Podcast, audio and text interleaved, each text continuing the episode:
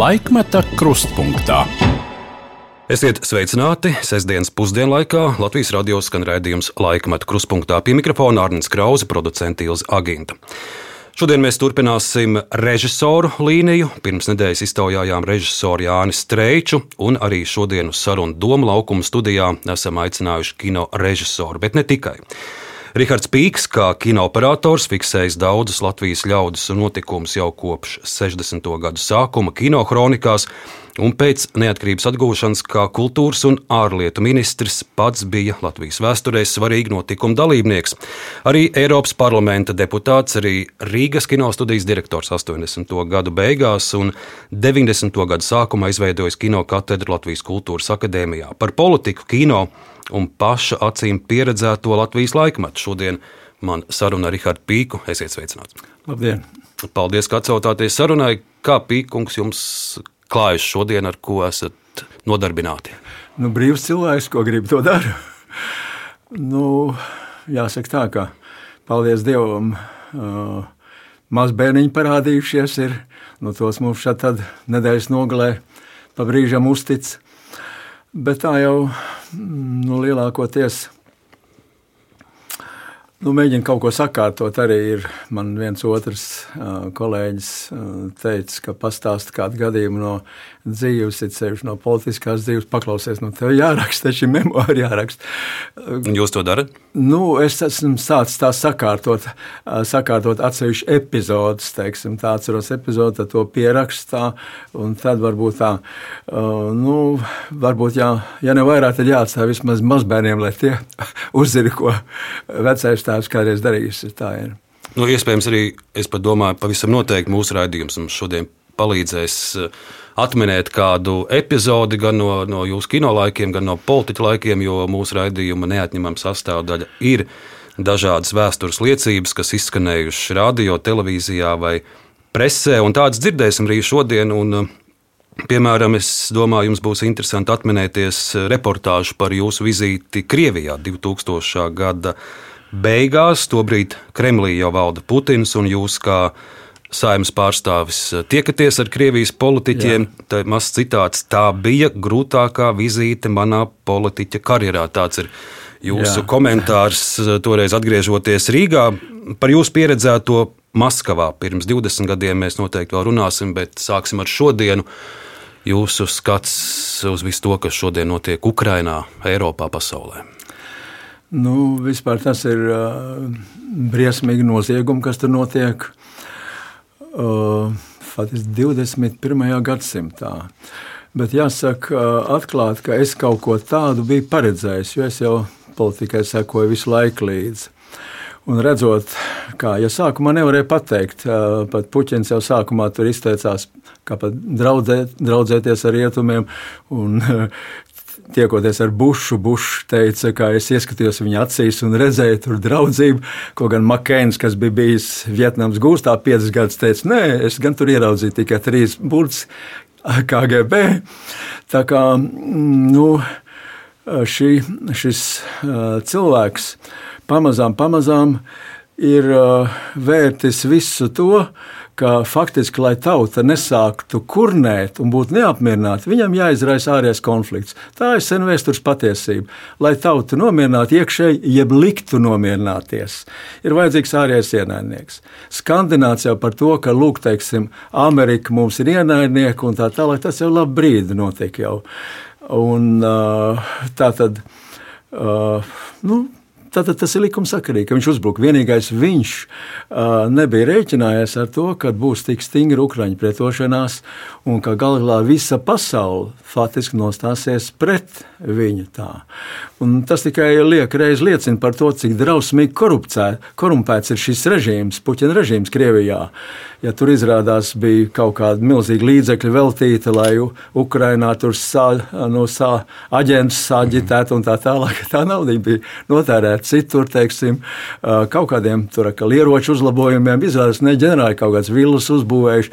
Nu, faktiski šis atklājās arī viss vis tā sistēmas, sistēmas teiksim, nu, tādas uh, sistēmas, kā saka, melīgums un tā tālāk.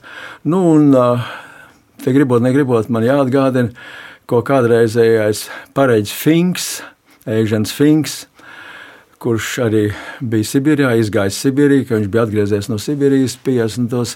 gada beigās.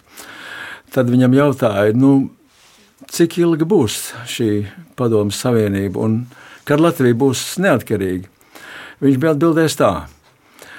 Uh, nu, paies gadi 50, un kā tie kan, tanki ienāca, tāpat tās viņi arī aizies no Latvijas.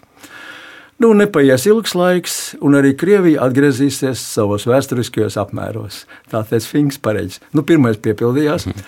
otro procesu man liekas, ka Puķins ir uzsācis tagad. Jo es domāju, ka tas citādi nevar beigties. Um, ka tā neapmierinātība uz brīdi viņš apklusināja ar to it kā ārējo ienaidnieku, bet viņa jau nekur nav palikusi. Es tādu lasīju tieši aizvakar, ka Kalmikijā sākusies diezgan neapmierināta tāda kustība jau, un droši vien tas turpināsies, jo pie tā, ko viņš ir panācis, kad norobežo, teiksim, un, un, un nepirks vairs viņa tos fosilos kurināmos, ne nafta, ne gāzi un tā tālāk. Tas viņa galvenais, galvenais viņa, kā saka, ienākuma avots bija, jo viņš nav rūpējies par, teiksim, kaut kādu attīstību, iekšēju attīstību Krievijā savas valdīšanas laikā. Tā kā ir uh, drausmīgi, ka tur noteikti tādas slepkavības, izvarošanas, un citas neģēlības, bet uh, tāpat laikā jāgaida ir pēc iespējas ātrā, ātrās galas un nevar atcelt nekādas sankcijas, kamēr šis režīms tur pastāvēs. Sākoties Krievijas iebrukumam Ukrajinā, daudzi secināja un atzina, ka visus šos garos gadus, kopš Putins ir pie varas, viņam izdevās savā ziņā Eiropu, Eiropas līderus eh, ievilkt tādā kā dziļā miegā. Mēs, Baltieši, brīdinājām, sen jau brīdinājām, kas ir Putins, kāda agresīva ir Krievijas ārpolitika, bet, eh, bet eh, pieredzējām to, ka Šrēders kļūs par Gazprom vadītāju, Berluskonī lielais Šodien draugs. Viņam noņēma viņa bijušā kanclere visas, kā saka, kas paredzēts bijušiem kancleram Vācijā. Privilēģijas. Privilēģijas, jā, tās šodien uh, noņēma viņam. Nu, tur vesela virkne Putins brauca pie toreizējās Austrijas ārlietu ministrs uz kāzām un dejoja valsti. Tas viss ir pieredzēts, un tagad daudz tikai attopās, kāds ir Putins. Un, un daudz tikai tagad attopās, ka mums jau sen vajadzēja daudz palīdzīgāku roku sniegt Ukrainai. Un uh, Eiropas parlamenta debates 2004. gada decembris, jūs tajā laikā esat Eiropas parlamenta deputāts, un, un uh, sēdes stenogrammā es atrodu arī sadaļu, kur ir uh, diskusija Eiropas parlamentā par atbalstu demokrātijas centieniem Ukrainā. Un šeit mazs fragments uzstājoties arī jūs un jūsu kolēģis Gunārs Krasts. Jūs abi runājat 2004. gadā par to, ka Ukrainai ir jādod iespēja iestāties Eiropas Savienībā, paskatīt, cik daudz gadi ir pagājuši, un tikai tagad šī, šī, šī saruna atsāks. Atkal, un arī mazs citāts no jūsu runas toreiz eh, Strasbūrā. Rihards Pīks norāda, ka vēl pirms pirmā vēlēšana raunda Eiropā pienāca satraucoši signāli par Ukrajinā notiekošo, tomēr uz tiem netika pienācīgi reaģēts. Eiropas Savienība nevar būt vienkārši diskusija klubs, tā ir stingra un ar stipru mugurkaulu politiska savienība. Tāpēc Eiropai visos līmeņos ir jādemonstrē stingra politiskā griba. Mēs nevaram izlikties, ka nezinām, kādi spēki stāv aiz vēlēšanu falsifikācijas Ukrajinā. To jūs sakat 2004. gadā. Jā, tāpēc, kad es Ukraiņas situāciju zināju pietiekami labi, kaut kur 2004. gada sākumā es biju uzaicināts uz vienu konferenci Ukrajinā. Tad jau es iepazinos ar vienu otru cilvēku tur un redzēju situāciju. Nu, un tā 2004. gada rudenī, kad mm, tur sākās šī, kā saka, šis Maidans. Uh, tad es arī norganizēju Eiropas parlamentu delegācijas braucienu uz Ukrajinu. Mēs tikāmies ar visiem dažādu politisko spēku pārstāvjiem, jeb uh, vadītājiem, ar, ar Juščenko, ar uh, Timošenko. Un pat ar Porošenko, man liekas, par Porošenko es vairs īsti neatceros. Bet sajūtams bija tas, ka viņiem katram aiz muguras stāv kaut kāds nu, zināms uzņēmēju klans, jeb spēks. Tā. Oligarhi. Oligarhi, jā, stāv aiz muguras. Un, un viņi zināmā mērā vienmēr nu, tā respektē viņa intereses, jeb cenšas ievērot. Varbūt tieši šis uh, Juščenko, uh, viņš vismazāk to mēģina darīt. Viņš varbūt visvairāk uh, centās tieši valsti virzīt kā valsti, nevis teiksim, kādas tur intereses un tā.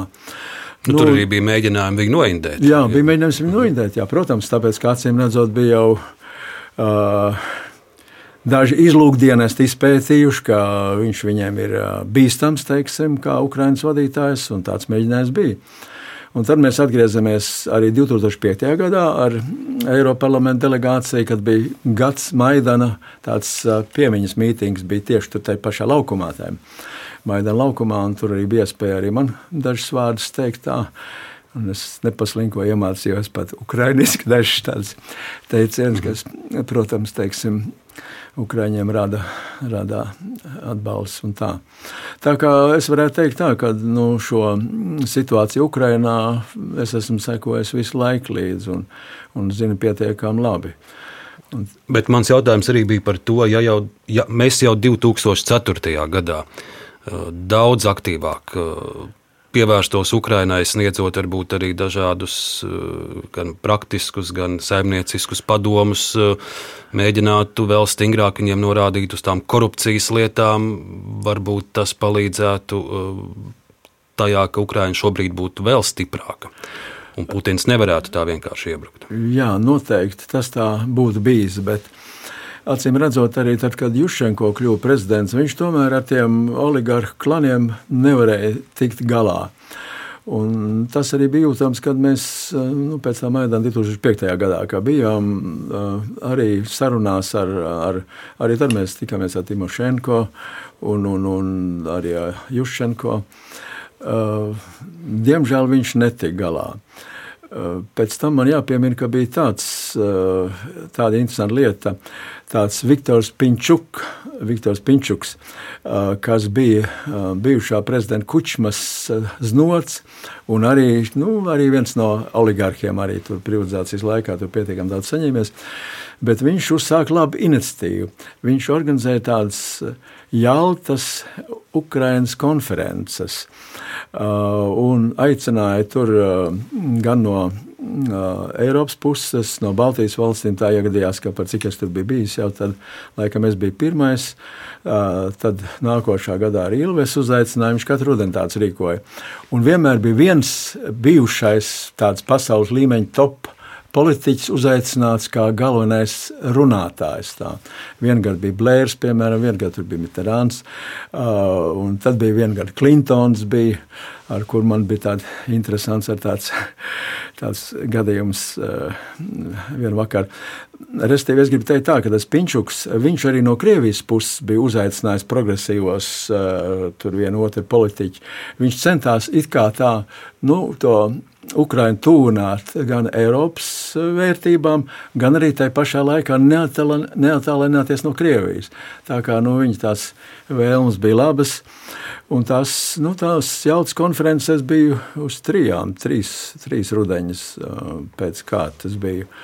Viņas turpinājās vēl kādu brīdi, bet, nu, cik es saprotu, Pinčukam tomēr nu, neveicās, ka viņš nevarēja tos oligarhus un to kārtību, kārtību tur ieviest, kas bija nosacījums, lai Ukraina varētu nu, pieteikties uz Eiropas Savienību. Bet tas, ko šobrīd daudz azdīs un secina, ka pēc Krievijas iebrukuma Krimā viena lieta, gan ko Ukraina ir izdarījusi, tā ir pamatīgi nostiprinājusi savu armiju, savus bruņotos spēkus, un tur, protams, arī ir rietumu liels atbalsts bijis. Mēs zinām arī, ka pie mums ādažos ir um, trenējušies instruktori pie, pie, pie mūsu Jā. militāriem pasniedzējiem. Um, jūs noteikti sakojat arī ikdienā pašai šai kara darbībai. Kāds ir jūsu vērtējums tam, ko mēs redzam caur video, un otra lieta arī šīs nedēļas ziņa Azovstaļu un, un Jā.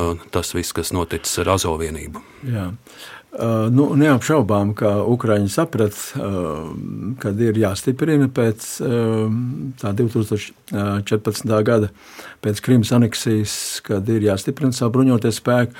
Un arī tas taisnība ir, ka viņi sūtīja savus uh, virsniekus uh, apmācībās un tā. Un, uh, acīm redzot, arī Puķins nenovērtēja, ka tā nav tā Ukraina. Un, cik var spriest, arī viņam jau tur tika pasniegts arī viss, kā saka, tas, ko viņš vēlējās dzirdēt. Jo tā ir viena no diktatora nelaimēm, ka viņi pamazām uh, no visus, kā saka, labākā gadījumā atraida, sliktākā gadījumā viņas kaut kur, viņi kaut kur pazūd mistiski. Tā. Uh, tos, kas runā pretī. Un līdz ar to viņam rodas tāds Uh, lokus apkārt, kas pienes to, ko viņš grib dzirdēt. Un rezultātā viņš vairs reālo situāciju nezina nemaz tā.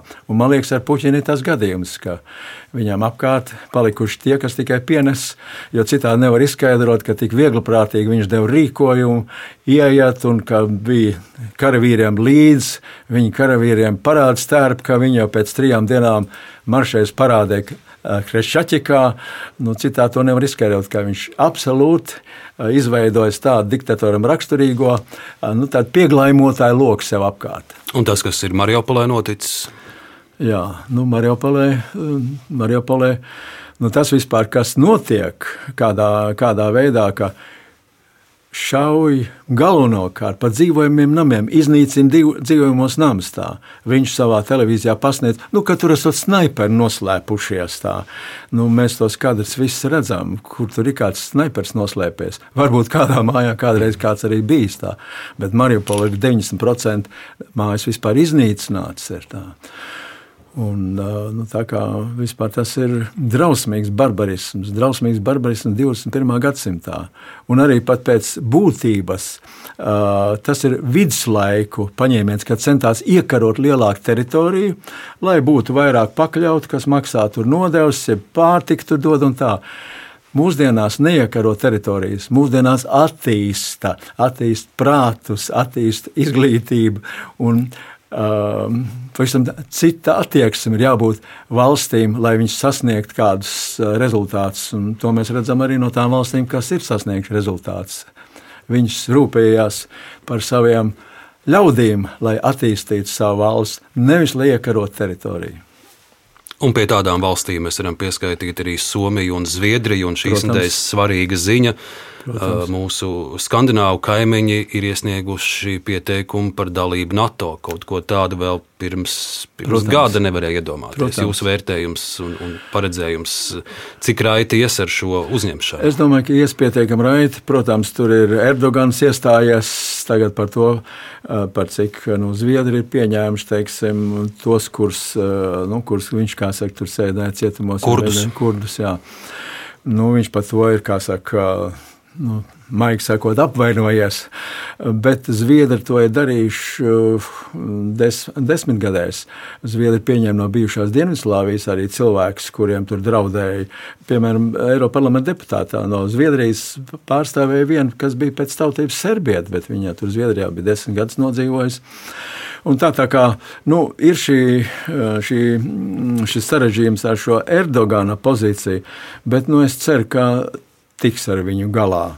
Un tas, kā no Somijas un Zviedrijas to nolēma, Zviedri, kur 200 gadus ir piekopši neutralitāti, bet ja viņi redz, ka uh, Krievu kara kuģi blakus stāv salai, Bornholmas salai, Visbijas salai uh, pietuvojās, un, nu, tad viņi saprot, ka viņiem arī ir kaut kas jādara. Zviedrijam un Somijam ir ļoti spēcīgas armijas, vai tas nozīmē, ka arī mēs varam justies vēl nu, drošāk? Noteikti, noteikti, noteikti, ka tas ir eh, mums, tas ir ļoti labs tāds drošības eh, garants, jo Somijam ir ļoti spēcīga sauszemes armija, viņi pēc nu, ziemas kara, kur 39. un 40. viņi izcīnīja, un kur viņi zaudēja, bija spiest piekāpties, zaudēja daļu teritorijas, bet viņi ir attīstījuši ļoti nopietnu savus sauszemes spēkus. Es Somijā esmu bijis vairāk kārt, un esmu bijis arī pašos ziemeļos, tālēs polārā lokā. Un arī, arī redzējis tur arī vienus nelielus manevrus redzējis un saprotu, ka viņi ir nopietni pie tā strādājuši. Ir. Un tas mums šī gadījumā mums nāk tikai par labu. Un neraugoties uz visu neutralitāti, Zviedriem savukārt ir ļoti spēcīgi gaisa spēki. Jā. Zviedriem ir zemūdens. Zemūdens spēcīgs. Ir sevišķi viņi tās attīstīja, ka tur atklājās līdzība pie Stokholmas kaut kā nejauši vien padomu zemūdeni nogrimus. Tā. Un, nu, viņi ir attīstījuši jā, šīs divas lietas, viņiem ir ļoti spēcīgas. Ja. Es ievadā minēju uh, šo stāstu par 2000. gada beigām. Jūs, kā saimas pārstāvis ar Latvijas parlamenta delegāciju, dodaties oficiālā vizītē uz Krieviju. Maskavā tiekaties ar uh, Krievijas politiķiem, un, kā pats teicāt, tā ir bijusi grūtākā vizīte jūsu politiķa karjerā, vismaz, vismaz tajā brīdī. Un, uh, lai atminētu šo vizīti, šobrīd neliels fragments - 2000. gada decembris. Man ir tāds sajūta, ka ja visi būtu redzējuši video ierakstā šīs divas dienas, tad eiro optimistu skaits Latvijā būtu 100%. Tāpēc, ka kā mūs pazemoja, kādus mums deva ultimātus, nemitīgi piesaucot, ka Lūk, Jelcina Kozereva ēra ir beigusies. Um, es domāju, ka tas bija ārkārtīgi smagi visiem mums, arī mūsu vēstniekam, Un tas, kas notika ārlietu ministrijā, kad ministra vietnieks Orģina Kidze no lapiņas lasīja priekšā eh, kaut kādas pilnīgi neiedomājamas vārdu savirknējumus, ārkārtīgi pie tam tik milzīgā valstī, tik netalantīgi uzrakstītus. Ieskaitot to, ka, ka mums taču vajadzētu saprast, ka, ka vajadzētu atteikties no, no, no uzskata, ka valsts ir okupēta. Es gribu teikt ar pilnu pārliecību, ka tā sajūta bija ļoti, ļoti nelāga tur tās divas dienas ja ir dialogs, tad vienmēr var nonākt pie kaut kādas sapratnes. Pat varbūt katrs paliekot pie savas motivācijas, bet tas jau ceļš ir. Tas ir ceļš jau, lai spērtu nākošo soli. Bija arī, arī domē ar komitejas sadarbībai ar NVS valstīm un tautiešiem ārzemēs priekšsēdētāja vietnieks Čehojevkungs. Viņš arī, piemēram, minēja tā, nu kā jums visi, visi tie, kas nav pilsoņi, tie ir izlikti uz ielām, Krievskolas viss ir slēgtas, un tā vienkārši tā cilvēks paziņo. Un mēs sakām, ka nu, labi, lai viņš atbrauc šeit. Parunājas, jo varbūt viņam kāds piestāda šādu informāciju, bet viņš parunājās arī ar citiem. Šāds fragments no 2000. gada decembra. Jūsu kolēģi Helēna Demakova saka, ka pazemojumi, ultimāti, nelāga sajūta. Jūs bijāt delegācijas vadītājs toreiz. Jā. Nu, tā ideja radās e, pēc Krievijas toreizējās domas priekšādātāja vietnieces Ļubovas Sliskas, e, kurai radinieki dzīvo Rīgā, un viņi bija Rīgā e, vasarā. Un man, es pat neatceros, kas to ir ieteica, ka uh, nu, vajadzētu varbūt ar viņu tikties. Un mēs tiešām ar viņu tikāmies, vienkārši kafejnīcā tikāmies, jo viņi bija Rīgā pie saviem, pie saviem radiem. Uh, vai viņai, ja viņas vīram bija uh, rāda Rīgā, un tā kā viņi minēja, ka viņi kā, nu, katru vasaru atbraucot tā. Un mēs arī tajā kafejnīcā tikāmies, izdzērām kafiju un tā. Un, nu, viņi ierosināja, ka varbūt ka vajadzētu mums sarunāties, parlamentu delegācijām vajadzētu sarunāties. Un faktiski nu, pēc būtības viņi uzaicināja mūs, teiksim, kā Krievijas domas vicespīkeri, uzaicināja to mūsu delegāciju. Un tad jau tur bija, ka mēs uh, tikāmies, uh, nu, tikāmies ar vairākām tām domas frakcijām. Un, piemēram, mēs, nebiju, nu, mēs izlēmām kopā, izlēmām, ar kur mēs gribam tikties, ar kur nē. Uh, Un uh, ar Žiranovsku frakciju mēs bijām noteikti, ka mēs negribam tikties. Un Žiranovskis pieprasīja, ka viņš noteikti ar mums grib tikties. Un tas bija, protams, pilnīgs nu, teātris. Pirmkārt, viņu frakcijas telpā pie garā galda Žiranovskim bija galā, galā krēsls uz paaugstinājumu, lai viņš būtu pāri visiem. Un viņš arī, nu, piemēram, atceros vienu, vienu frāzi Viņš teica, nu, kāpēc jūs mums vairs nesūtiet mūsu grafikus, jūsu grafikus, mums taču tā viņi patīk. Es viņam saku, bet Žiranovs kundze, kāpēc jūs pērkat, pērkat Volkswagen, nevis grafikus tā? Lūdzu, mm -hmm. jums ir iespēja tādam. Ah, jā, vai tā ir? Un kaut ko tādu nu, pāris reizes viņš tāds, bet viņam arī pietiekami labi informācija. Es viņam varēju, nu, vēl kaut kādas bija, viņš kaut kādas muļķības tur pasniedz un ko viņam varēja atbildēt. Tā kā, mm, nu, un otrs, kas man pārsteidz, ir Ļubovs Liska, ar kur mēs pie kafijas Rīgā normāli sapratāmies. Nu, Restīvi cilvēcīga saruna bija katrā gadījumā. Eh, pēkšņi viņi arī runā pavisam kaut ko citu. Tātad viņiem visiem bija sagatavots, ar, kur mēs, ar kuriem mēs tikāmies, viņiem bija sagatavots priekšraksts, uzrakstīts, es nezinu, no kā, vai no ārlietu ministrijas, jeb no, jeb no kaut kādas drošības uh, iestādes. Nu, to es nezinu, bet visi viņi faktiski runāja apmēram vienu un to tekstu. Un uh, to Ļubovs Lisku, par cik mēs bijām jau runājuši, tad es viņu pat pārtraucu un atgādāju, teicu, ka piedodiet, bet mēs taču runājam kaut ko pavisam citu. Un tā tālāk tā, nu, viņi samulst, bet turpināja to. Tā kā nu, tas uzreiz bija jau, nu, toreiz mēs vēl nesapratām, kas turpināsies. Tagad redzot, ka, kur tas puķins ir novedis Krieviju, tad saprotams, ka viņš jau sāka jau diriģēt un viss jau pēc kaut kāda viņa, ja viņa, kā saka, nu, loka cilvēku. viņa loka cilvēku plāna. No šo vizīti vēl ir viens interesants uh, moments, ka delegācijā bija iekļauts arī deputāts Sokolovs no Ždanokas partijas, bet viņš tā arī uz Maskavu neaizbrauca un izskanēja, ka tā esot bijuši Ždanoka, kur viņu nesot uh, atrunājusi. Braukt. Kā tur bija? Nu, tā noteikti, es domāju, ka tā noteikti bija, jo Ždanoka jau tajā laikā. Uh, nu, es domāju, ka arī visu laiku viņi kalpo Kremļa interesēm, jo tas bija jūtams tad, kad es biju Eiropas parlamentā, kā viņi uzstājās un kad un tā. Un tagad pat, uh, cik es zinu, Eiropas parlamentā pat viskreisākā frakcija viņa nav pārāk liela kurā viņa bija pat tā. Viņai palūdz aiziet. Ar, palūdz aiziet, nu, godīgi sakot, izmeta no tās, teiksim. Tā, tā kā, uh, nu, tas tikai liek reiz liecina Nu, vairāk reizes viņi izpaudās tur. Kā, nu, viņas tā pozīcija bija skaidra. Es nezinu, kādā veidā, kā saka, viņa tiek gandarīta, bet nu, tas ir jūtams, kā viņi kalpo. Šobrīd aktuāls ir viss notiekošais pēc 9. maija uzvaras laukumā okupācijas piemineklis vakar Rīgā arī. Ļoti daudz ļaudis piedalījās protesta akcijā un gājienā.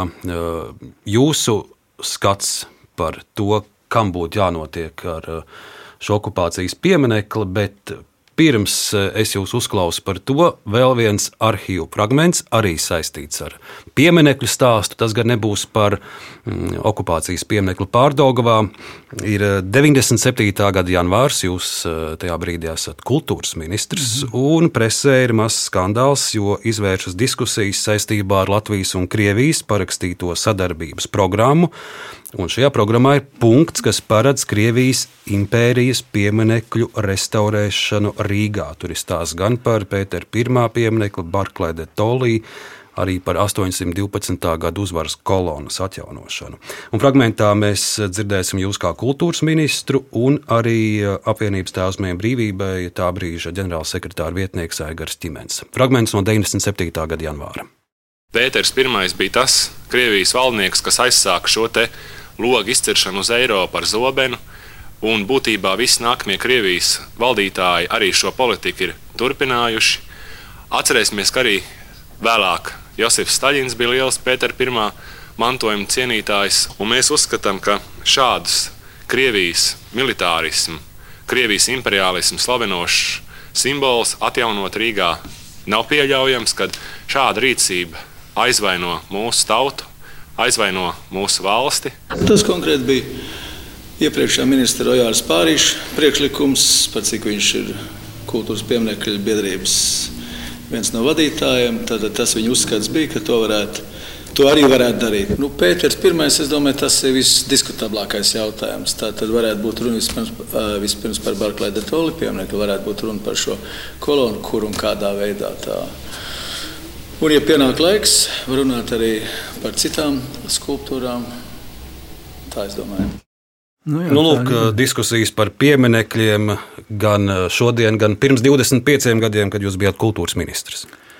Nu jā, nu, tur jau arī beigās intervijā toreiz pasaka, ka pirmkārt tā bija izteikta vēlme, bet tas nebija obligāts pienākums.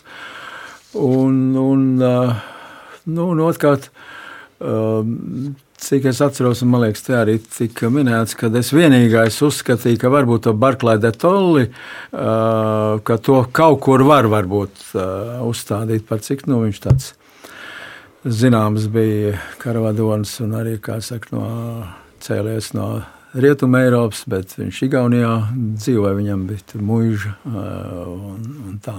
nu, tas, cik es atceros, bija vienīgais tā, bet tur nekādu, nekādu obligātu priekšnosacījumu, jeb, jeb teiksim, nu, Uh, apņemšanās darīt nebija. Nu, tas pirms 25 gadiem, bet šodien mums ir stāsts par okupācijas pieminiektu Pārdogavā. Ko darīt ar to? Nu, skaidrs, ka viņš ir uh, jānojauc. Skaidrs, ka viņš ir jānojauc, jo viņš tika uztaisīts, lai tur daži toreizējo kompartijas Latvijas vadoņi, lai varētu izkalpoties Maskavas priekšā. Skaidrs, ka viņš jānojauc. Jo kaut kā tāda, tad jāatgādina, ka tādu uzvaru tāds 9. maijs sāk, nu, padomu savienībā sāka tikt svinēts kaut kur 60. gadu vidū otrā pusē Brežņevs viņi ievies. Pirms tam viņi tādu nesvinēja. Un, un, un tad sāk taisīt to kultu par uzvaru un tā tālāk. Kaut gan visiem bija skaidrs, ka ja nebūtu bijis uh, Lendlīs un nebūtu pal palīdzējuši amerikāņi, angļi un tā tālāk, nebūtu atvērts otrā fronte, tad kurā, kur tad bija ja, Hitlera karaspēks jau aizgājis. Krievijā, jeb toreizējā padomu savienībā iekšā. Nu, šis stāsts par to, ka mums tā nebija atbrīvošana, mums tā bija otrreizēja okupācija, un par okupāciju jūs uh, daudz runājat arī esot ārlietu ministrs 2004. gadā. Un redzījumā Kruspunkta 2004. gada aprīlī ir diskusija, cik skaļi Latvijai runāt par savu vēsturi, cik skaļi runāt par okupāciju, par okupācijas faktu atzīšanu.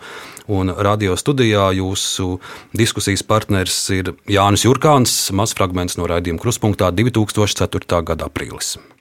Mūsu gadījumā šodien eh, vēlreiz un vēlreiz cilāt šos jautājumus manuprāt, nozīmē e, nespēju skatīties priekš, uz priekšu un domāt par to, nevis cik mēs bijām okupēti un mēģināt saraudināt Eiropu, bet domāt par to, kā mēs ieejot Eiropā, Eiropas Savienībā, kā mēs pataisīsim uh, mūsu dzīvi daudz bagātāk, cik mēs dzīvosim uh, Uh, labklājība. Tas būtu ja galvenais jautājums. Ja mēs tagad iesim un visu laiku gaudosim un, un, un stāstīsim par mūsu grūto bērnību, nu, es nedomāju, ka tas uh, attaisnos uh, visas tās pūles, kas ir ielikts integrējoties Eiropas Savienībā un NATO. Piemēram, šodien es kā ministrs, ja man iznāks saruna un es tiek uzrunāts, un ļoti bieži šobrīd tas notiek, jo patreiz Krievija izdara ļoti uh, spēcīgi spiedienu jautājumā par krievalodīgo tiesībām,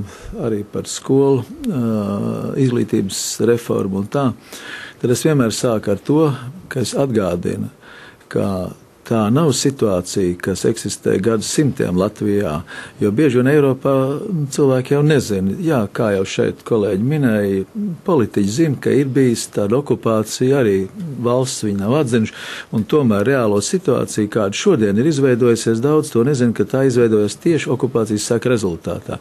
Un es vienmēr to atgādinu, ka Tās ir okupācijas sekas, tās ir sabrukušās padomas Savienības uh, dāvana pēdiņās mums, un tā ir problēma, kur mums ir jārisina. Un uh, būs jo labāk, jo Krievija mazāk maisīsies uh, tur iekšā. Un tātad kaut vai no šī viedokļa šis jautājums ir aktuāls. Kādēļ viņš starptautiski nav atzīts?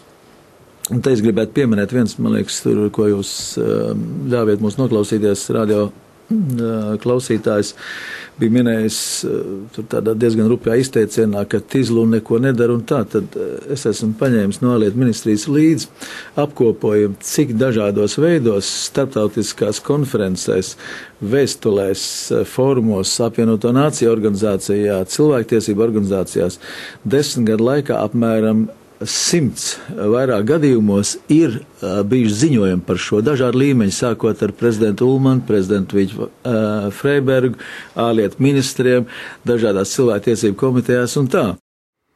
Šāds fragments no raidījuma kruspunktā jūsu priekšgājējs bijušais ārlietu ministrs Jurkāns saka, ka ka varbūt mēs pat pa daudz stāstām pasaulē par, par mūsu grūto bērnību, kā viņš to apraksta. Nu, nu, nu, lai tas paliek viņa viedoklis, ja viņš tā domāja toreiz, nezinu, kā šobrīd. Uh, bet uh, skaidrs, ka bija jāstāsta pasaulē, jo ne jau pasaule visu laiku par mums ļoti interesējās. Uh, te jāsaka, paldies ir latviešu emigrācijas cilvēkiem, kas tos daudzās valstīs un daudzos gadījumos to atgādināja um, šo valstu politiķiem. Um, un loģiski, ka mums, tad, kad mēs atguvām neatkarību, ka mums tas bija jāatgādina. Jo, ja mēs paši par sevi nerūpēsimies, tad kurš tad par mums rūpēsies? Pīkungs vēl viens fragments no raidījuma kruspunkta, arī 2004. gads. Jūs esat ārlietu ministrs, bet, bet amatā salīdzinot šīs laiku, jūs nolēmat kandidēt un tiekat ievēlēts Eiropas parlamentā. Un fragments no 2004. gada maija raidījuma žurnāliste Baiva Strautmana jums uh, vaicā, kādēļ ceļš uz Eiropas parlamentu, nevis ārlietu ministra amats. Paklausīsimies arī fragmentu. Jūs, ministra kungs, tautas partijas sarakstā startējat ar pirmo numuru, kas dara jūsu izredzes tikt ievēlētam pavisam reāls. Vai tas nozīmē, ka jūs augstāk vērtējat būt iespēja vienam no 700 un cik tur Eiropa parlamenta deputātiem, nevis būt Latvijas Republikas vienīgajam ārlietu ministram? Jā, paldies. Jautājums ļoti interesants. Tieši tas pretnostādījums. Man uzreiz jāsaka tā, ka šai Eiropas virzienā es esmu strādājis labu laiku jau. Un tātad saraksts tika sastādīts pirms tam, pirms krita Ēnā Repšs valdība un bija nepieciešamība uzsākt darbu ārlietu ministrijā. Bet, nu, bet jūs taču varētu atteikties no ministra amata, jo tagad iznāk tā, ka jūs esat apzināti piekritis būt par tādu dažu mēnešu ministru, un tad jautājums ir par to, vai mums ar jums ir jēga apspriest kādus ilgtermiņu plānus. Nu, tā ir jūsu izvēle. Ne, bet, ir, bet politika, valsts politika jau nemainās. Pirmkārt, nemainās valsts politika, nemainās uh, ārpolitika, nemainās šīs valdības ārpolitika, nemainās tautas partijas ārpolitiskā programma.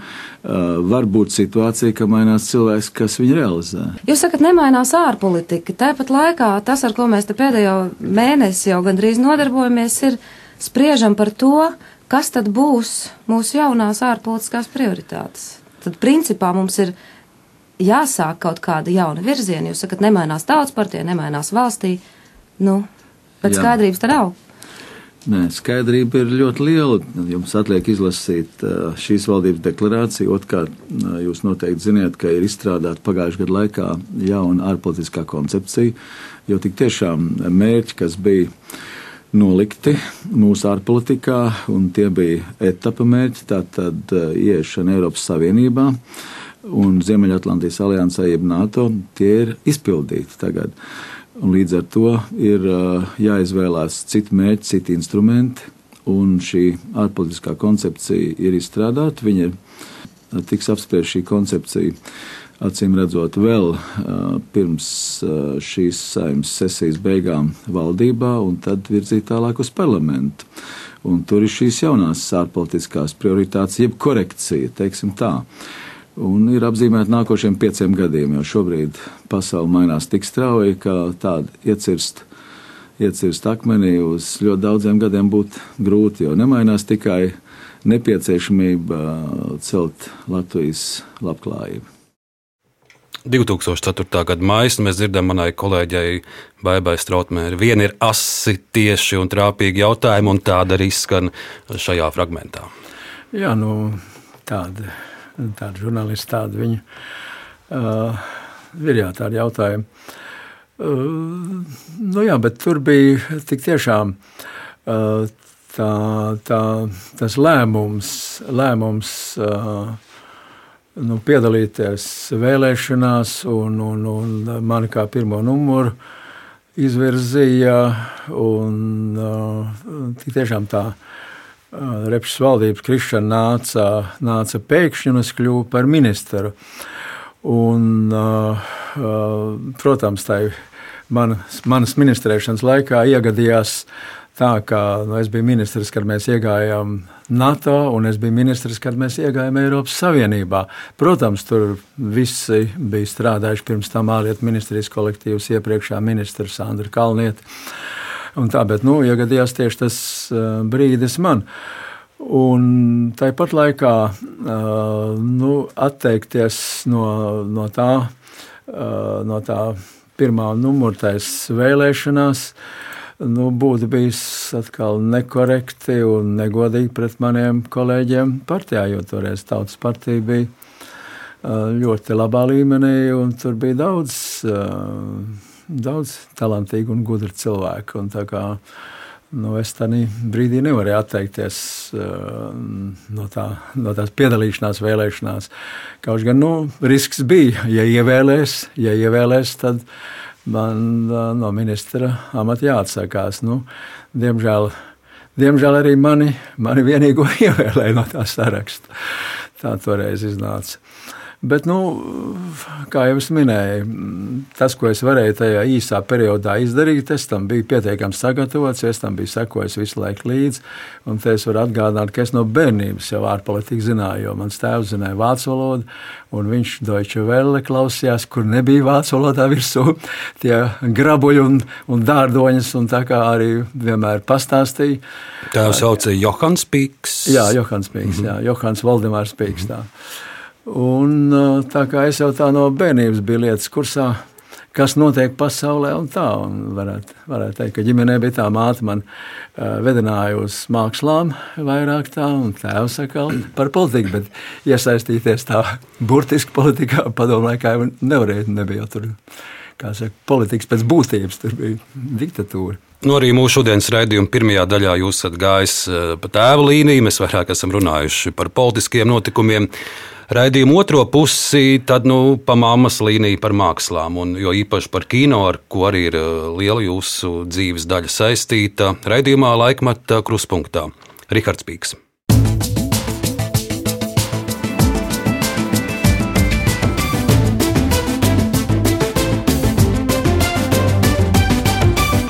Laikmeta krustpunktā. Pīkungs viena no pirmajām publikācijām, es teiktu, pat pirmā, kur es atrodu jūsu vārdu pieminam, ir uh, Valentīnas Freimanes raksts uh, žurnālā Māksla 1965. gada jūlijas, un ir stāsts par uh, festivālu Maskavā. Raksta nosaukums Festivāla lielais pārsteigums. Un, un īsi, lai klausītājiem nojautu, par ko ir runa, ir, ir šī publikācija par filmu, kur jūs esat operators kopā ar kolēģi Henriku Pilipsonu. Un liela panākumi filmai divi stāsts par, par diviem jauniešiem. Īsais stāsts par, par šo vienu no pirmajiem jūsu lielajiem notikumiem. Es saprotu, jūs, tas arī nav jūsu kursa darbs? Vai? Es viņu vēlāk, kā Jā, kā kursa darbu, jeb kā diplomu darbu, es pat neatceros. Bet jūs studējat Maskavā? Ja? Jā, jā, studēju Maskavā. Es jau nebiju beidzis institūtu, jo es sākumā iestājos institūtā, klātienē, pēc tam pārgāju uz neklātienu. Un arī nu, 64. gada vasarā sāku filmēt jau 22 mm, gadu vecumā. Kā saka, sākumā sižets kino žurnāliem, pēc tam ar Vāru Krūmiņu dokumentālu filmu Rudens balādu. Tā, starp citu, dabūju gan Baltijas festivālā, dabūju kādas balvas un tā. Un tad atbrauc Miša Bogins no Maskavas. Uh, un uzaicināja mani. Tas skaitās arī viņa rež, režijas diploma darbs. Un ziemā Rīgas kinostudijā parasti bija nu, brīvs, kā saka, paviljonu platības un arī, saka, nodarbinātība, un tāpēc pieņēma kaut kādas tādas viesu uh, pieteikumus. Uh, Nu, un, uh, mēs sākām ar uh, Mišu Bogenu šo filmēšanu. Nu, tur arī bija daudz tādu interesantu gadījumu, jo, piemēram, tur ir pa kurlmēnu meiteni. Viņš sākumā bija izdomājis kā konkrēti kurlmēnu meiteni un arī no Maskavas mīmikas teātra. Tad tas ir stāsts par uh, jaunu mūziķa un kurlmēnas meitenes mīlestību. Jā, tieši tā, jā. Tieši tā, jā. Un, uh, tomēr to nevarēja, jo skaidrs bija, ka to kurmēmo meiteni būs ļoti grūti strādāt, un laiks ir īsts, ziemā un tā tālāk. Un tad tika Vik, uh, Viktorija Fjodorova uzaicināta. Uh, un, un, un. Bet nu, es redzu, tur nav tikai Valentīns Freemans raksts, vesela virkne preses publikāciju. Ļoti atzinīgi šis darbs ir novērtēts. Jā, nu, tāpēc, ka tas tāds zināms pārsteigums bija tajā Maskavas festivālā. Un, uh, tur, bija, tur bija pat tā, ka nu, pasaules slavenais Michelangelo Antonioni. Viņš nebija žūrijā, bet viņš bija tā Maskavas festivāla viesis. Jo toreiz tas Maskavas festivāls, nu, atšķirībā no mūsdienām, viņš bija tāds diezgan progresīvs nosacīt. Nu, diezgan progresīvs. Un es atceros, ka man iepazīstināja Michelangelo Antonioni. Viņš uzreiz uzsita man pa plecu, teica, grazie operatori, grazie operatori, un prasīja. Uz kādas filmas jūs tā varētu uzfilmēt, ka jūs dabīgā vidē filmējat, teiksim, un zemā, tumšā laikā, tā tā. Es nezinu tādu padomu filmu. Pirmkārt, man tas pārsteidz, ka režisors kaut ko saprot no filmas, kas mm. ir filma. Nu, resti tas uh, tehniskais materiāls, uz ko filmē. Mūsu režisori lielākoties nezināja, ne tas viņiem interesēja. Tā, uh, tā kā man tas pārsteidz tāds. Nu, un, protams, arī Antonioni bija uzrakstījis vēstuli žūrijai, nebūdams žūrijas loceklis, vēstuli žūrijai ar atbalstu šai filmai, ka šai filmai noteikti vajadzētu dot galveno godāli, jo tur maskavieši īstenībā es neaizmirsu, kas bija žūrijas vadītājs toreiz. Negribēja dot, bet nu, tā Antonioni vēstuli iespaidoja, un tur vēl kāda, un tā, nu, tad to zelta medaļu iedeva. Jo um, arī tas Antonioni teica, nu, ka lielā mērā šīs filmas nopelns ir, ka jūsu uzņemšanas stils ir filmas nopelns. Tā bija. Jūs jau pats pieminējāt vēl vienu savu darbu, Rudens balāde. Tas ir poetisks stāsts par uh, piebalgas skaistumu, rudens darbi, ražas novākšanu Cēzu rajona vecpiebalgas ciema kolhozā Alauks 1964. gads. Rihardam Pīkam vien 20 3, 22, 22 gadi. Režisors Varis Krūmiņš un uh, kino arhīvā es raugos. Šis ir pats pirmais darbs, jā, kas ir, ir kas ir darbs, fiksēts. Arī mazu fragment tūlīt noskatīsimies.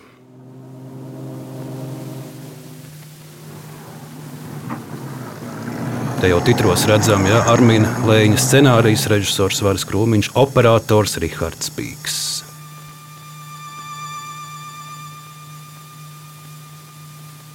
Sveicināts alauks, sveicināta pievalga zeme. Es esmu sveicināts 64. gada rudens. Kāds atmiņas šo redzot? nu, atmiņas ir labas, jo bija, nu, bija interesants laiks. Es biju jauns entuziasts. Uh, no rītiem, kamēr varas vēl režisors varbūt gribēja pagulēt, mēs gulējām tādā uz siena, vis tā grupiņa. Es ņēmu kameru pār pleciem, staigāju pa piebalgas laukiem un filmēju. Te ir tādi interesanti kadri, ir, ir zirgs mijas ar, ar, Jā. ar smago mašīnu. Jā, nu, tas tāds salīdzinājums kā ir šis brīvais uh, zirgs un nu, tā mašīna, kas sacenšas lūk, teiksim, to zirdziņu tā brīvi palaist un uzfilmēt. Tas bija tāds jauns, skaists ērzelīts, ko zootehniķi bija paņēmis. Viņš bija norakstīts cirka zirgs, viņi bija paņēmis, bet viņi īsti tā nevarēja pierādīt. Nu, ar viņu jāatvarēja. Bet, lai varētu uzfilmēt šos kadrus, ka viņš tā brīvi skrien pa piebalgas pakalniem, tad vajadzēja otru zirgu ķēvīti un mans asistents ar šo ķēvīti tā jāja pa priekšu, un tad šis zirdziņš skrēja aiz muguras līdzi, un tā es varēju uzfilmēt viņa brīvā skrējienu. Nu, lūk, ļoti labi, ka šis darbs ir eh, kino arhīvā saglabājies. Tur nav nekāda tāda padomu ideoloģija. To droši varētu arī, arī, arī šodien rādīt. Jā, nu, tur nekāda ideoloģija ne, netika uzspiesta. Tas zirdziņš gan mēs jājām tieši kā uh, filmēt tos augurus pie kaudzīšu muzeja. Mēs jājām, un tas no alaugsta ir labi gabali. Es jāju šo zirdziņu, un mans asistents ar to ķēvīti jājām. Un pēkšņi zirdziņš baidījās no traktora, un tur lauka malā traktors. Es tā pievilku stingrāk grožus, Viņš tā druskuļi kāpās, kāpās, un pēkšņi palicās gaisā, ko es nebiju gaidījis, un nometa man zemē. Tomēr. Bet kamera arī bija rokā, vai ne? Nē, nē kamera nebija. nebija kamera ar mašīnu brauc aiz muguras. Mums. Nākamais fragments no kinoarchīva, kurus vēlos eh, piedāvāt klausītājiem, un jums arī atmiņai, ir kinožurnāls Māksla 1968. gads.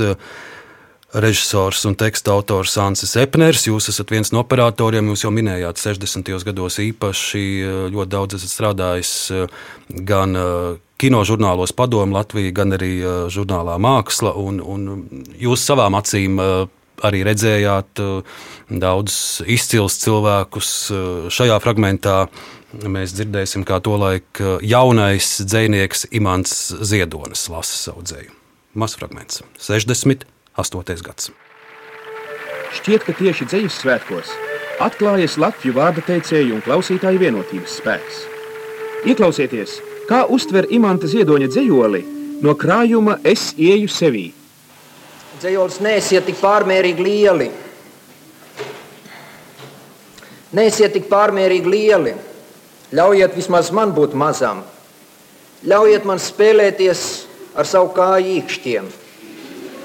Redziet, es guļu šūpulī un abām rokām bāžu kāju mutē. Atzīstieties, ka jūs jau esat lieli un stīvi un ka jūs vairs to nevarat. Tas ir ļoti svarīgi laiku pa laikam kļūt mazam, lai kļūtu liels. Ja jūs vairs to nevarat, jūs esat kaut ko pazaudējuši.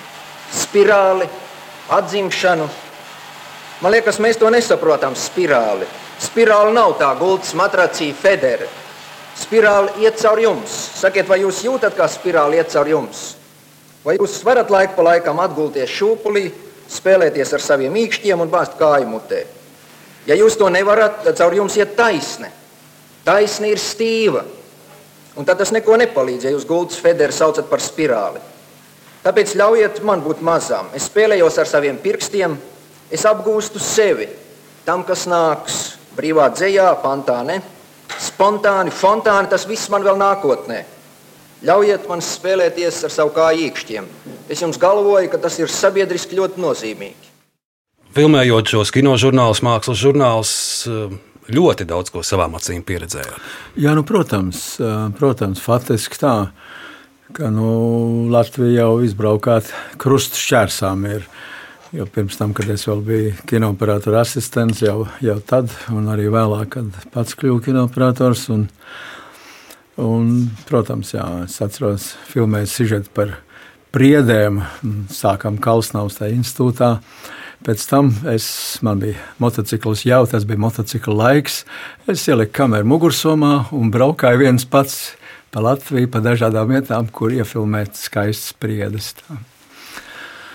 Vēl viens eh, fragments no 69. gada kinožurnāla. Eh, tur ir stāsts par to, ka padomu kinematogrāfijai 50 gadu jubilejā. Mm, tas ir laiks, kad top spēļu filmas Vēla kalpi, Stari stiklā. Mm, arī šeit ir stāsts par Rolanda Kalniņa šonadēļ mūžībā aizgājušā dokumentālo filmu un, un, un citi. Nu, lūk, šajā kinožurnālā 69. gadā ir arī uh, fragments no filmēšanas laukuma, kā top filma Vēla kalpi. Un šeit ir interesanti arī tāda vēsturiska detaļa. Šis, es domāju, vienīgais fragments, kur var dzirdēt filmas oriģinālo mūziku, jo, jo pirmās dziesmas vai pirmo vai vienīgo bija uzrakstījis Imants Kalniņš. Jā, tā bija. Jā. Un pēc tam jau tikai uh, Raimons Pauls ar, ar, ar savām leģendārajām Vēla kalpu dziesmām, bet uh, Tad, kad filmu filmēja, bija Imants Kalniņš Nu, dziesma. tāpēc, ka sākumā bija paredzēts, it kā Imants Kalniņš Nu, būs, jā, bet nu, un- viņam tur un šajā- sagadījās ķibeli, kad jāraksta muzika. Un, Un, un šajā kinožurnālā mēs varam dzirdēt, kādi būtu vēla kalpi, ja uh, dziesmas būtu un mūzika būtu rakstījis Imants Kalniņš. Paklausīsimies! Izmīli kādreiz bija, kas dienā dzīvoja. Kādreiz bija, kas dienā dzīvoja. Es veši kungi nāca un sevi postīja. Šī filma vēl tikai top. Režisors Aleksandrs Leimanis sācis darbu par seno Rīgu un Vella kalpiem.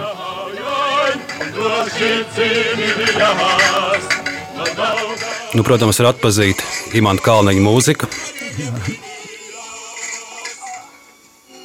Bet jā, šeit ir interesanta liecība, jo arī tagad mēs filmā redzam, ka dzied jau to Paula vēl kalpus, bet eh, aktieriem jau mutes pilnīgi savādāk kustās. Viņi ir iedziedājuši šo, ko mēs tagad dzirdējam. Nu, jā, tur jau gan tāds koplāns, video plāns, tur tās mutes kustības grūtāk atšķirt. Nu, tā ir jā. Vēl viens uh, no daudzajiem fragmentiem, kurus atlasīju, es gribētu dzirdēt arī jūsu komentāru vai atmiņas. Uh, ir saglabājies viens video darbs bez skaņas. Uh, Tas ir materiāls filmai Katolicisms PSRS. Filmas nosaukums arī otrs ir Mesa. Režisors Herts Franks tika filmēta pēc PSRS ministru padomes reliģijas lietu komitejas pasūtījuma, un filma netika pabeigta. Tajā var redzēt tādas divas epizodes - Ziemassvētku misija Jēkabā baznīcā Rīgā. Un arī biskupa piesvētīšana Telšos Lietuvā 67. un 68. gads. Nu, lai jums ir ko atmiņu restaurēt, es fonā uzlikšu mazu fragment, bet tā kā šeit nav skaņa, tad, tad, tad mēs to klausītājiem arī nevaram parādīt. Bet kas ir šis pa stāstu? Sāka filmēt, nepabeidza un vēl tāds temats kā, kā ticības Jā, lietas. Tas bija. Principā tas bija Vatikāna pasūtījums, bet, nu, protams, tas gāja caur Maskavu. Bet jūs bijāt operators. Ja? Jā, es biju jā. operators. Un tieši tais, tais telšos bija tā bija kā piesvētīšana. Un, un, un tieši tādēļ bija tas pasūtījums Vatikānam, cik es saprotu. Nu, savukārt tā reliģijas lieta pārvalde nodeva tālāk, un tas atnāca pie mums uz Rīgas kinostudiju. Tad mēs ar Hercu Franku, bet vēl viens, vēl viens operators bija. Es šobrīd, šobrīd mm, es īsti neatceros. Man liekas, ka bija vēl viens tieši uz šo biskupa piesvētīšanu taisa telšos. Bet, nu, redziet, arhīvā šis viss ir saglabājies. Jā, tas ir saglabājies arhīvā. Nu, paldies Dievam! Jā. Atminat šos kadrus? Te ir Jēkaba baznīca. Jā, jā. Pilna, pilna ar ļaudīm, starp citu. Jā. Jā, jā, nu, drīkst jau iet uz baznīcu. Tas varbūt, ka tur kāds uzņēma no nu, iestādes partorgs, tur skatīja un pierakstīja, cik tur viņa iestādes cilvēki iet un tā. Nu, es to zinu, ka Ziemassvētkos man māte strādāja 4. medicīnas skolā un ka gājām Ziemassvētkos uz veco ģētrūdas baznīcu, tad tur stūmā viņi satiks savu skolas partijas sekretāri. Tā vēroja, izrādās, kas tur iet. Ne tikai kino žurnāli un uh, kino dokumentēšana, arī uh, jums ir vairākas spēļu filmas. Nu, manai paudzei, uh, protams, pirmā, kas nāk atmiņā, ir, ja nebūtu šī skuķa. Jā, nu, tā ir kā nu, spēļu filmas. Man kā operatoram bija vairākas arī. Bet šī bija kā režisors. Šī bija kā režisoram, jā, ja nebūtu šī skuķa. Nu, tā bija mana pirmā filmas filma. Pirms tam bija sitiens īsmetrāžs. Un, un, un tas, ja nebūtu šīs kuģis, tā bija pilnmetrāža filma. Jā. Un šo filmu arī šatad, šajos laikos rāda. Man vienīgi ir, ir žēl, varbūt viņi nav restaurēti vai, vai, vai kā, bet man, man tāds priekšstats, ka diezgan sliktā ir kvalitātē, viņa ir uh, tā kopija saglabājusies. Jā, nu varbūt viņi nav restaurēti, jo principā jau diezgan daudz kopijas restaurē pēdējā laikā. Jā, viņi ir diezgan bieži rādīti. Viņi laika pa laikam rāda, jo tās bērnu filmas nav tik daudz un par cik tā bija nu, tāda, tāda zināmā intriga, un otrkārt arī tur nebija nekādas ideoloģijas, tad, uh, tad viņi var rādīt arī šodien. Tā ir. Un Tur jau es... bija stāsts, kas, kas tajā laikā sākās par visādiem NLO un, jā, un tām jā, lietām. Tās lietas kļuva populāras tajā laikā. Un, un, un es filmēju savā, kā saka, bērnības bērnības zemē, tas ir Sabilē, jo mans tēvs ir no Sabilas. Nu, no, nu, vēlāk tur pusotru kilometru no Sabilas augšā vecā tēva mājas ir Matkulas pagastā. Bet es tur visas vasaras bērnībā pavadīju, un tā kā es to vidi, vidi ļoti labi zināju, un tāpēc arī es izvēlējos tur filmēt šo filmu. Un vēl viens darbs, kur, kur es gribu pieminēt uh, jūs, jo viens no operatoriem esat arī uh, šai filmai, kas ir tāda Rīgas kinostudijas dokumentālā kino viens no zelta fonda piemēriem ir 235 miljoni seju. Jā. Vairāk nekā stundu garš darbs, Jā.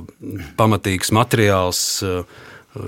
Raimonda Paula mūzika Jā. filmai īsti par šo stāstu.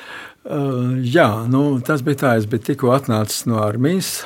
Uh, tas bija uh, tātad 66. gada janvāris. Un man bija divi priekšlikumi, par cik tā filma divi jau bija aizgājusi. Tā jau bija kļuvusi slavena. Man tie priekšlikumi jau nāca no visām pusēm. Aicināja uz Minsku, aicināja arī uz Maskavu filmēt. Un uh, mums mājās Alējas Brenčs piedāvāja mm, uh, uh, filmēt kādu lietu, un vējš sitas. Uh, um, un Ulrichs Browns piedāvāja šo dokumentālo filmu. Nu, es brīdi domāju, brīdi domāju, un es izšķīros tomēr par šo dokumentālo filmu. Jo es atceros, toreiz es filmas direktors uh, Viktors Riepš teica, paklausies tev, jaunam puikam, vārdsakot, piedāvā šitādu lielu mākslas filmu šefoperatoru, un tu atsakies.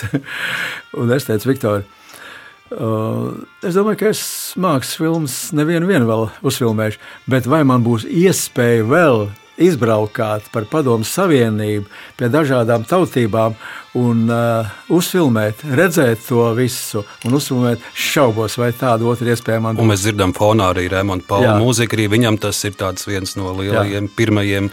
Pirmajiem darbiem šī, šī mūzika skan ar vienu vēl bieži jā. Citu, jā, tā skan. Un starp citu, Raimons uzrakstīja šo leitmotīvu, noskatoties vienu manu kadru, hmm. kur es uzfilmēju ar diezgan unikālā veidā uzfilmēju uh, virs mākoņiem, redzam zem apakšā, zem mākoņiem. Un, un man papakšu izlido pēkšņi cauri uh, izlido lidmašīna, Il-62, toreiz progresīvākā lidmašīna, vēl bija izmēģinājumi lidot, lidojumu tā. Un visi brīnījās, kā var tā uzfilmēt. Uh, viens pat Maskavā teica, nu, eta točka boga, tas jau no Dieva kunga skatu punkti ir, ka no augšas redzams zeme, mākoņu un vēl lidmašīna pāri izlido um, pāri. Uh, un, uh, nu, to, mm, tas maksāja man un filmas administratoram vienu vakaru Maskavas restorānā mm. ar agvi divām lidmašīnas apkalpēm. Il-62 un 144, kas pēc remonta iziešanas saskaņoja savus izmēģinājumu lidojumus. Un tad mēs pacēlām gaisā, un es no tā 144 stūrmaņa lodziņa filmēju lūk, šo Il-62. Man pēc tam daudz prasīja, paraudzēs, kā tu to vari uzfilmēt. Es ilgi to noslēpumu neatklāju. Nu, bet, paldies arī par, par šo atmiņu epizodi. Bet, jā, un, uh, jā. un Raimons, starp citu, uh, Uldis Brauns bija režisors tajā dokumentālajā filmā. Un viņš pats kādreizējais muzikants bijis jaunībā. Un Raimons nu, vienmēr komponijas atnes, piedāvā leitmotīvu. Tā. Uldim tur tas nepatīk, tas nepatīk. Un tad mēs skatījāmies materiālu, un Raimons noskatījās tieši šo materiālu un pēc tam uzrakstīju šo motīvu, šo leitmotīvu. Kur mēs tagad fonā arī mēs fonā fonā klausāmies. Paldies par, par šo epizodi un atmiņām. Jūs ievadā Pīkungs minējāt, ka jūs šobrīd uh, vismaz priekš mazbērniem, bet noteikti arī priekš plašākas publikas strādājot pie savu arhīvu, atmiņu sakārtošanas no tiem fragmentiem, kurus mēs uh, dzirdējām šodien, no dažādiem laikiem, gadiem, no politikas, no kino, kas jums pašam likās tāds, kas, kas jums uzjundīja kādas atmiņas. Nu, jāsaka, šī pat melodija, ja vadmotīvs no filmas 235 miljoni. Jo tur jau bija. Es, nu, es filmēju no paša sākuma. Jā, tur vēlāk nu, tur bija klāta arī vēl kinooperatori vairāk tā, bet nu, es biju no paša sākuma līdz pašām beigām. Teiksim. Un tur jau bija daudz interesantas epizodes. Kaut vai, piemēram, tā filmējuma armijas manevrs Baltkrievijā. Un, uh, uh, tur arī Ulas Brauns pats atbrauc filmēt. Un tur bija paredzēts, ka nāk tur uzbrukumā kaut kāds nu, nu, strēlnieku pulks, un tur uz tādas augstienes aizsargājās. Nu, sarunājām, kā Ulrichs Brauns filmēs no zemes, un es palūdzu palūdzu helikopteri, jo tur bija piekomandēta arī gaisa armija. Palūdzu helikopteri. tagad arī tur armijā viens filmētājs ir arī tajā mm, armijā, kas filmē priekš tās armijas vajadzībām, tas manevrs. Tas arī palūdzu. Ja es esmu palūdzis, teiksim, helikopteri, pie tam mēs bijām no Latvijas, bet ar Maskavas papīriem, teiksim, jo tā bija visiem pasūtījums tā filma. Tas arī palūdzu helikopteri. Un tagad mēs uh, kā ceļamies augšā, uzreiz pār galvām mums pārtriecās iznīcinātāji. Un tas helikopters nolīgojās, pat austiņās atskata. Mm. Nu, Krievu trīsstāvīgi, kas ir idioti tādi un tā tālāk. Tā izrādās, kas teiksim. Nu, tiem helikopteriem atļauja pacelties, bija dota. Bet um, gaisa armijas, kas no kaut kurienes lidoja, tie iznīcinātāji, uh, jeb, jeb, jeb triecienu lidmašīnas, Tiem nebija pateikts, ka viņiem jāpaceļās pa 50 metru augstāk jāpaceļās. Un tāpēc tikai nu, dažas sekundes tur šķīra, lai tur nebūtu tāda liela katastrofa. Nu, tas tā, kā saka, dieviņš, dieviņš mums stāvēja blakus toreiz. Un beidzās tas ar tas to nākošā dienā mēs filmējam, un uh, divas dienas bija tie mani jau pacēlamies laicīgi gaisā. Un lidināmies, gaidāmies, ka, gaidām, ka tur no meža nāks ārā uzbrucēji, kas ir tā klusums, nekas nenotiek.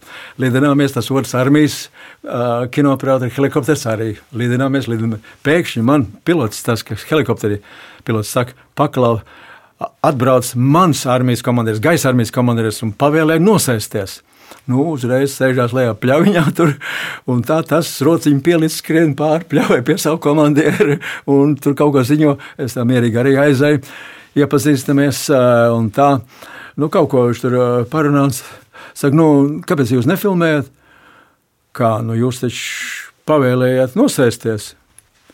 Tas pagriežās pret savu adjutantu un prasa, nu, krievis tā, kamu jau prikazāli? nu, viņš prikazaļ. Nu, tur viens krievu vārds jāsaka. Es pajautāju, kāda Vēlna pēc viņa lido, bet nu, tur tiek lietots tāds krievu īsais vārds no trijiem burtiem. Tā, nu, piemēram, tāda kurioza uh, arī atgadās, ka tur teiksim, armijas ģenerālis pēkšņi pasakā savam adjutantam, nē, es vienkārši pajautāju, kāpēc viņi tur lidinās. Bet nu, ar tādu rītīgu izteiksmīgu vārdu. Nu, pēc tam, protams, mēs celamies augšā, lidojam atkal un tā tālāk. Tā. Nu, tādi, tādi gadījumi jau tur viens otrs bija. Kas vēl no šodien redzētā vai dzirdētā jums atmiņas uzjundīja? Nu, jā, protams, arī šis, ja nebūtu šī skuķa, tur bija kurjos, tur ir uh, uh, gozs vajadzīgi tam.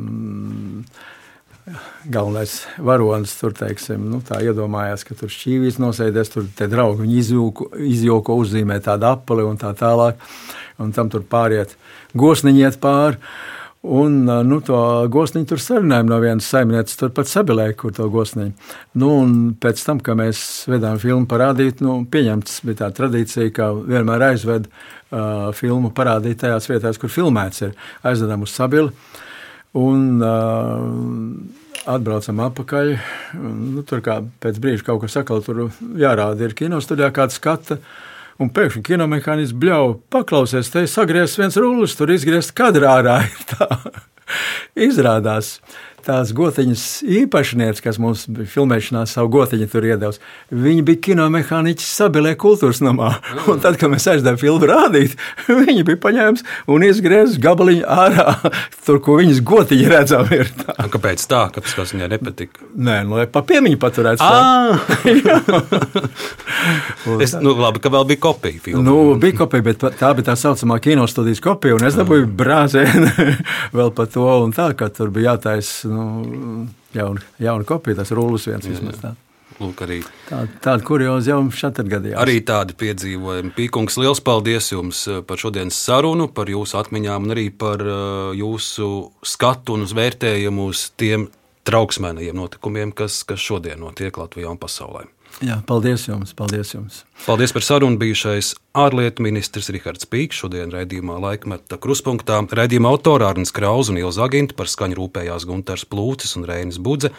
Pateicamies par atbalstu arī Latvijas Nacionālajam arhīvam. Lai plādējiet jauno Latvijas radio lietotni un klausieties mūs arī savā vietā runī, jebkurā laikā un vietā. Turpiniet klausīties Latvijas radio.